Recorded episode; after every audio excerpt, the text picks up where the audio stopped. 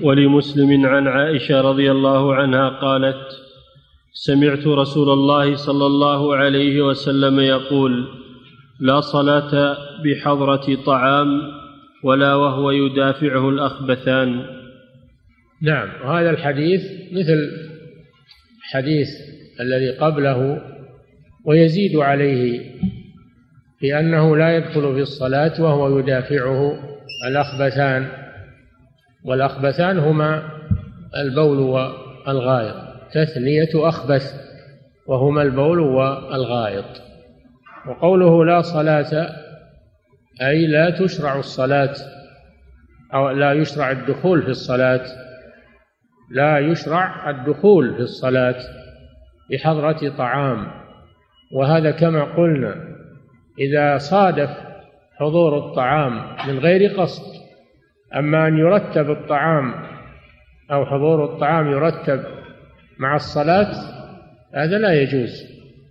لكن لو صادف وحصل أنه حضر الطعام فإنه يقدم الطعام. كما سبق في الحديث الذي قبل هذا. ويزيد هذا الحديث على أنه لا يدخل في الصلاة وهو حاقن للبول أو وهو حامل للغائط. لأن ذلك يشغله عن صلاته يشغله عن صلاته وقد يخل وقد يخل بصلاته لأن حبس البول وحبس الغائط مضر بالإنسان فقد لا ي... لا يأتي بالصلاة على الوجه المطلوب فيتفرغ من هذا الشاغل ويتوضأ ويصلي. إن أدرك الجماعة أو بعضها فالحمد لله وإلا فإنه يصلي ولو فاتته صلاة الجماعة ولا يدخل فيها وهو على هذه الحالة ويقول أنا أدرك صلاة الجماعة لأنه ليس المقصود أنك تصلي أو أنك تدرك الجماعة ولكن المقصود أن تصلي بخشوع حضور قلب أن هذا هو روح الصلاة.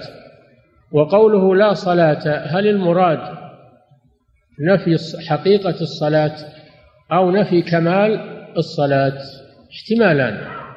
قال العلماء إن كان دخوله في الصلاة وهو مشغول بالأخبثين يفوت عليه ركنا من أركان الصلاة أو شرطا من شروطها أو واجبا من واجباتها أنه لا تصح صلاته بل يعيدها لأنه ترك ركنا أو شرطا أو واجبا فيعيد الصلاة.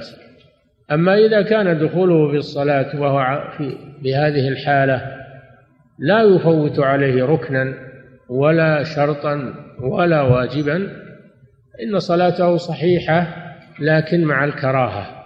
صلاته صحيحة لكن مع الكراهة. ويكون النفي للكمال. أما إذا كان يفوت ركنا أو شرطا أو واجبا فإنه النفي يكون للحقيقة. بمعنى أن صلاته غير صحيحة. فيطلب منه الإعادة. نعم.